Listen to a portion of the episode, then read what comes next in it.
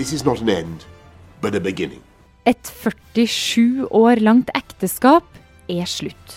I only feel quite satisfaction and, frankly speaking, relief. Men det å finne en løsning som begge kan leve med, har ikke vært lett når økonomien er vevd sammen og man skal fordele eiendelene seg imellom. I jula ble likevel skilsmissepapirene signert, og nå 1.1 så gikk britene ut av EU og starta livet som singel igjen. Men hvordan blir livet med ny sivilstatus for britene? Du hører på Forklart fra Aftenposten, og jeg er Marit Eriksdatter Gjelland. I dag er det tirsdag 5. januar.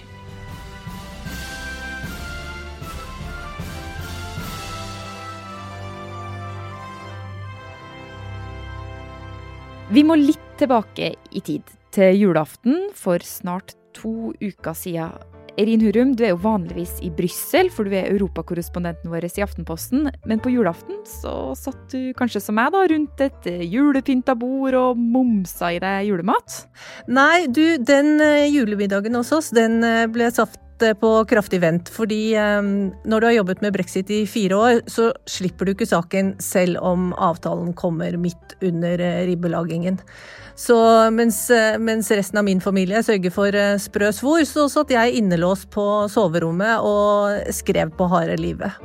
For på denne tida så står britenes statsminister Boris Johnson og erklærer full brexit-seier. I'm very pleased to tell you uh, this afternoon uh, that we have completed the biggest trade deal yet, worth £660 billion a year, a comprehensive Canada-style free trade deal between the UK and the EU. Den talen han holdt på julaften, den kommer til å bli stående eh, som Boris Johnsons viktigste noensinne, helt uten tvil.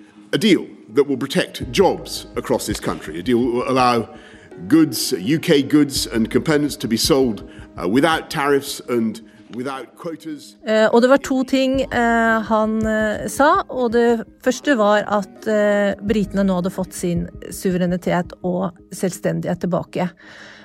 og dernest at britene nå hadde tatt kontroll over egne budsjetter, egne grenser, lover og fiskefarvann. British laws will be made solely by the British Parliament, interpreted by UK judge, judges sitting in UK courts. Altså ingen tapte saker, ingen kompromisser. Og dette er også veldig i kjent Boris-stil. Altså dette evnen til å underspille eller å unngå å fortelle hele sannheten eh, med de store konsekvensene som denne avtalen også har. Happy Christmas to you all. That's the good news from Brussels.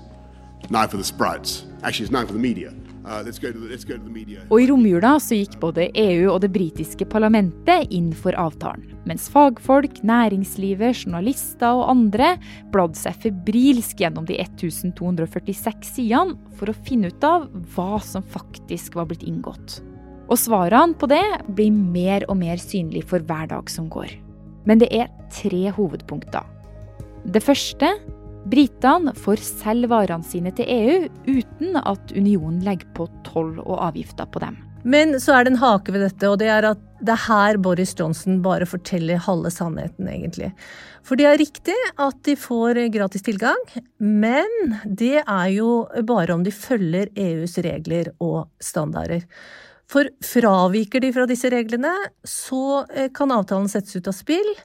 Eller EU kan pålegge britene straffetoll eller andre sanksjoner. Så britene må fortsette å følge EU sine krav til f.eks. arbeidsforhold. Så eh, er det et annet viktig punkt, kanskje det viktigste for britene, og det er at eh, de nå kan begrense innvandringen til Storbritannia. Nå er det rett og slett slutt på fri arbeidsinnvandring. Og for det tredje så er ikke britene lenger underlagt EU-domstolen. Det er altså ingen som står over britenes egen domstol og uenigheter med EU blir avgjort i en egen tvistedomstol. Men alt det her det er jo veldig fjernt fra folk flest. Så hvordan merker britene brexiten på kroppen? Ja, det er, eh, det er, jo der de dramatiske konsekvensene er, faktisk, for folk flest.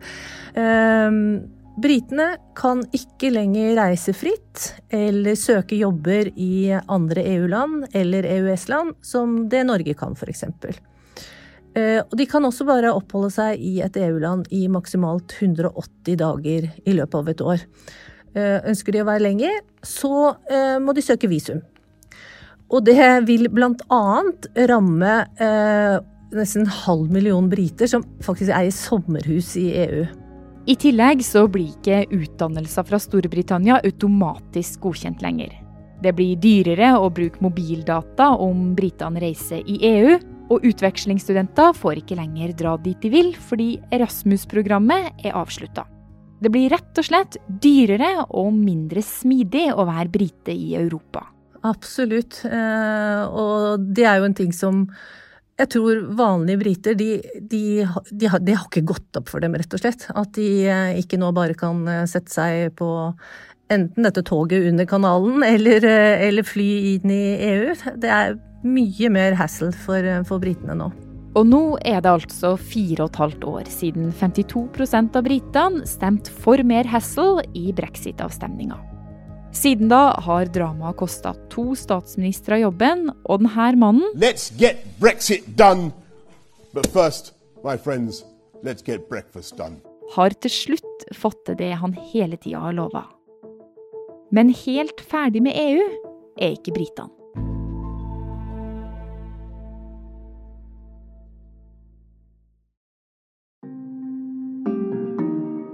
Selv om Boris Johnson mener utgangen av EU er det beste for britene, så har han ikke alle med seg. Uh, I think it's a disaster among many disasters this year. It's a crappy deal. Uh, and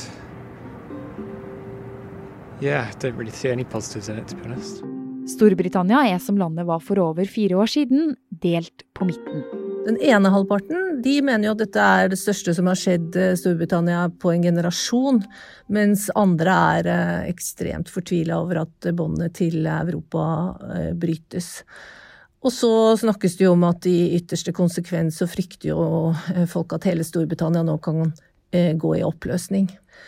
Men så er det jo også sånn nå at det er en ekstremt utmattelse i Storbritannia. Og folk orker rett og slett ikke mer. Sånn at de ønsker bare å bli ferdig med brexit, enten om de var for eller om de var eh, mot. Og det er jo kanskje noe som i beste fall da kan gi et håp om at det, at det kommer en slags eh, forsoning på sikt.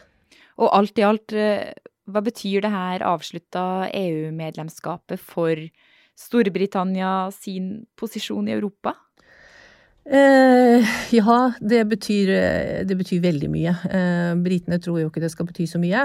Eh, og det Boris Johnson sier, er jo at eh, nå skal Storbritannia bli en uavhengig stormakt. Eh, både i Europa og i hele verden. Og de har jo allerede lansert slagordet 'Global Britain'.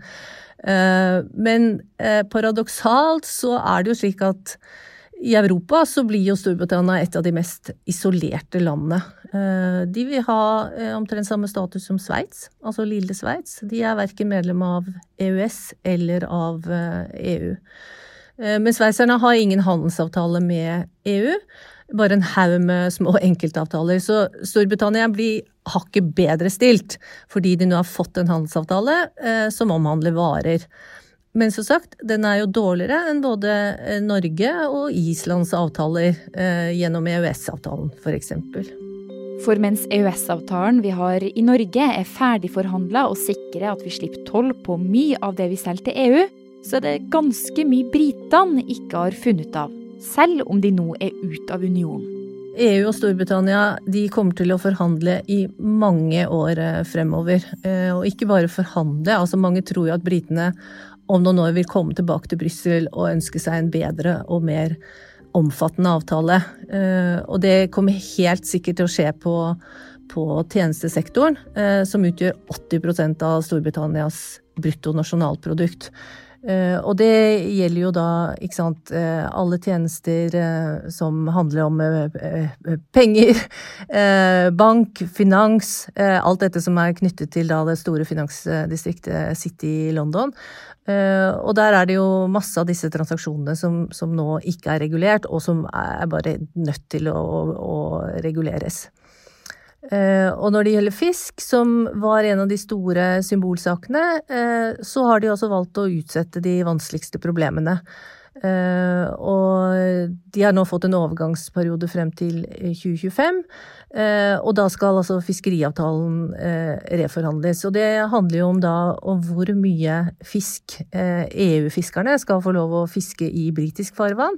Og hvor mye av fisken britene selv skal få beholde. Så denne sagaen om EU og Storbritannia, den er ikke over? Overhodet ikke. Eh, dette kommer til å vare i eh, årevis. Men hva med Norge oppi alt det her? Gjennom EØS-avtalen så kan jo vi reise fritt i EU, vi kan jobbe og studere som vi vil. Og så lenge Storbritannia har vært en del av EU, så har jo det samme gjeldt der. Men nå er det slutt på det. Så Norge og Storbritannia skal sette seg ned og forhandle frem sine egne avtaler seg imellom. Men uansett hva vi til slutt blir enige om, så er det en del endringer som kommer. Hvis du bare skal på en Langviken, eh, shoppingtur, fotballtur, så blir det ikke så store endringer. Eh, det eneste du, du, vil merke, er at du kommer i en annen og antagelig mye lengre passkø. Eh, og så må du huske reiseforsikring. Fordi den vanlige europeiske reiseforsikringen som de fleste av oss har, den gjelder ikke lenger. Men eh, hvis du ønsker noe mer, eh, så, så, skjer det dramatiske endringer, rett og slett. Fordi eh, nordmenn vil jo ikke lenger kunne bo eller arbeide i Storbritannia som i dag. Eh, du må søke visum. Og, og, det må være krav, altså søker du jobb i, i Storbritannia, så, så, må det være jobber som eh, britene trenger. Eh, F.eks. Altså, som det er mangel på i Storbritannia. Eh, de vil kreve krav om språkkunnskaper, og en arbeidsgiver må garantere minsteinntekt. Så det blir helt annerledes. Men kan vi være helt sikre på at det er sånn det blir for alltid? For etter fire og et halvt år med så mye frem og tilbake, og en befolkning delt på midten i spørsmålet om EU, er britene nå ut for godt, eller kan det tenke seg at de ber om å få bli med igjen om et par år? ja, de, de, kan jo prøve det. Det er jo faktisk allerede eh, opprettet grupper i Storbritannia nå som eh, sånne aksjonsgrupper, da, eh, som jobber for at, eh, at eh, britene skal eh, rejoin EU, som det heter. Det heter vel den ene gruppen, tror jeg. Men, men, dette her er Det tenker jeg er helt utopi. Altså, nå har de kjempet Britene har alltid vært kritisk til, til EU. At de nå eh, skulle vende tilbake på den, ja, i vår generasjon, det har jeg veldig liten tro på. Hvordan skal det gå med britene fremover, da? Vet vi noe om hva som kommer til å skje med dem fremover? Hvordan det her påvirker landet? Nei, vi gjør eh, egentlig ikke det. Eh, det er liksom Det er hvem du spør. Altså Boris Johnson mener jo at eh, Storbritannia nå vil se en ny blomstringstid, som han sier. Eh, andre mener jo at, eh, at, det vil gå virkelig ille for, for britene. Det vi vet, er jo at store Altså eh, eh, sentralbanken i Storbritannia f.eks. De sier jo at økonomien i Storbritannia vil krympe, og det er det nok ikke noe å lure på. Altså det er på en måte et objektivt objektivt riktig. Så at det vil, det vil iallfall bli mange tunge og kompliserte år nå i starten. Vel, så kan det jo blomstre. Hvem vet? Kanskje får Boris Johnson rett.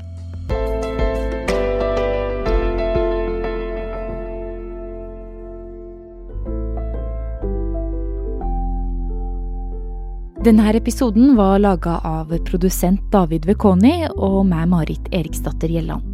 Resten av Forklart er Ina Swann, Caroline Fossland og Anne Lindholm.